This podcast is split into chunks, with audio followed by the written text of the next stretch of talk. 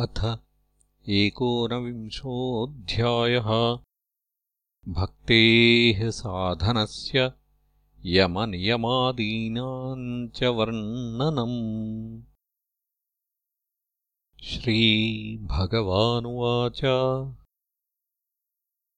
यो विद्याश्रुतसम्पन्न आत्मवान्नानुमानिकः मायामात्रमिदम् ज्ञात्वा ज्ञानम् च मयि सन्न्यसेत्। ज्ञानिनस्त्वहमेवेष्टः स्वार्थो हेतुश्च सम्मतः। स्वर्गश्चैवापवर्गश्च नान्योर् मद्रुते प्रियः। ज्ञानविज्ञानसंसिद्धाः पदम् श्रेष्ठम् विदुर्मम। ज्ञानी प्रियतमोतो मे। ज्ञानेनासौ बिभर्ति माम् तपस्तीर्थम् जपोदानम् पवित्राणीतराणि च नालम् कुर्वन्ति ताम् सिद्धिम् या ज्ञानकलया कृता। तस्माज्ञानेन सहितम् ज्ञात्वा स्वात् मानमुद्धव ज्ञानविज्ञानसम्पन्नो भज माम् भक्तिभावितः। ज्ञानविज्ञानयज्ञेन मामिष्ट्वात्मानमात्मनि। सर्वयज्ञपतिम् माम् वै संसिद्धिम् मुनयोगमन्। त्वय्युद्धवाश्रयति यस्त्रिविधो विकारो। मायान्तरापतति नाद्यपवर्गयोर्यत्। जन्मादयोऽस्य यदमी तव तस्य किम् स्युः आद्यन्तयोर्यदसतोऽस्ति तदेव मध्ये। उद्धव उवाच। ज्ञानम् विशुद्धम् विपुलम् यथैतद् वैराग्यविज्ञानयुतम् पुराणम्। आख्याहि विश्वेश्वरविश्वमूर्ते त्वद्भक्तियोगम् च महद्विमृग्यम्। तापत्रयेणाभिहतस्य घोरे। सन्तप् प्यमानस्य भवाध्वनीश। पश्यामि नान्यच्छरणम् तवाङ्घ्रि। द्वन्द्वातपत्रादमृताभिवर्षात्। दृष्टम् जनम् सम्पतितम् विलेऽस्मिन् कालाहिना क्षुद्रसुखोरुतर्षम्। समुद्धरैनम् कृपयापवर्ग्यैः वचोभिरासिम् च महानुभाव। श्रीभगवानुवाच। इत्थमेतत् पुरा राजा। भीष्मम् धर्मभृताम् वरम्।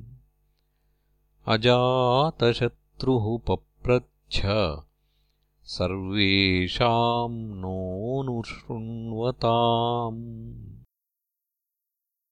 निवृत्ते भारते युद्धे सुहृन्निधनविह्वलः। श्रुत्वा धर्मान् बहून् पश्चान्। मोक्षधर्मानपृच्छत। तानहम् तेऽभिधास्यामि। देवव्रतमुखाच्छ्रुतान्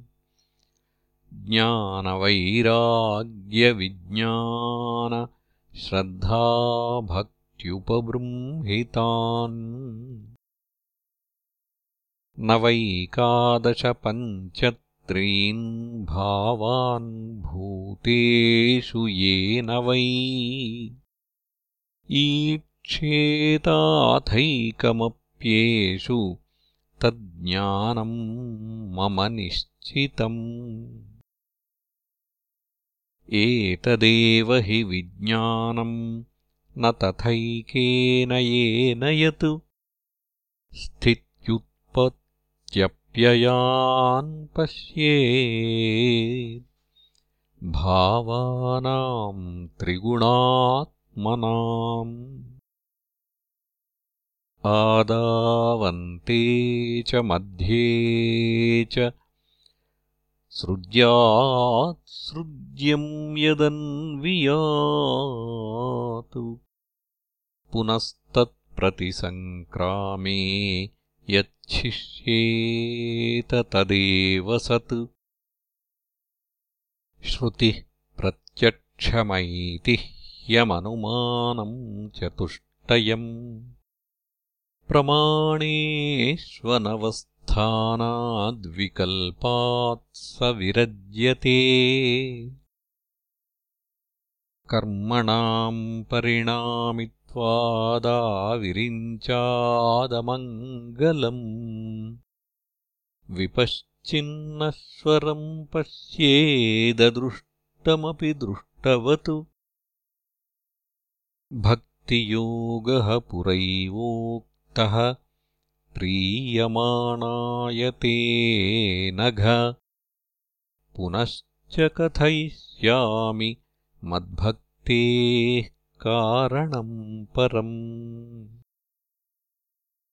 श्रद्धामृतकथायाम् मे शश्वन्मदनुकीर्तनम्। परिनिष्ठा च पूजायाम् स्तुतिभिः स्तवनम् मम। आदरः परिचर्यायाम् सर्वाङ्गैरभिवन्दनम् मद्भक्तपूजाभ्यधिका सर्वभूतेषु मन्मतिः मदर्थेष्वङ्गचेष्टा च वचसा मद्गुणेरणम् मय्यर्पणम् च मनसः सर्वकामविवर्जनम्। मदर्थेऽर्थपरित्यागो भोगस्य च सुखस्य च। इष्टम् दत् हुतम् जप्तम् मदर्थम् यद्व्रतम् तपः एवम् धर्मैर्मनुष्याणामुद्धवात्मनिवेदिनाम्। मयि सञ्जायते भक्तिः कोऽन्योऽर्थोऽस्यावशिष्यते यदात्मन्यर्पितम् चित्तम् शान्तम् सत्त्वोपबृंहितम् धर्मम् ज्ञानम् स वैराग्यमैश्वर्यम् च अभिपद्यते। यदर्पितम् तद्विकल्पे इन्द्रियैः परिधावति रजस्वलम् चासन्निष्ठम् तम् विद्धि विपर्ययम्। धर्मो मद्भक्तिकृत्प्रोक्तो ज्ञानम् चैकात्म्यदर्शनम्। गुणेष्वसङ्गो वैराग्यम् ऐश्वर्यम् चाणिमादयः उद्धव उवाच यमः कतिविधः प्रोक्तो नियमो वारिकर्शन कः शमः को दमः कृष्ण कातितिक्षाधृतिः प्रभो किम् दानम् किम् तपः शौर्यम् किम् सत्यम् ऋतमुच्यते। कस्त्यागः किम् धनम् चेष्टम् को यज्ञः का च दक्षिणा। पुंसः किम् स्विद्बलम् श्रीमन् भगो लाभश्च केशव का विद्या ह्रीः परा का श्रीः किम् सुखम् दुःखमेव च? कः पण्डितः कश्च मूर्खः? कः पन्था उत्पथश्च कः? कः स्वर्गो नरकः कः स्वित् को बन्धुरुत किम् गृहम्? काढ्यः को दरिद्रो वा कृपणः? कः क ईश्वरः? एतान् प्रश्नान् मम ब्रूहि विपरीतांश्च सत्पते श्रीभगवानुवाच। अहिंसा सत् त्यमस्तेयमसङ्गो ह्रीरसञ्चयः। आस्तिक्यम् ब्रह्मचर्यम् च मौनम् स्थैर्यम् क्षमा भयम् शौचम् जपस्तपो होमः श्रद्धातिथ्यम् मदर्चनम् तीर्थाटनम् परार्थेहा तुष्टिराचार्यसेवनम्।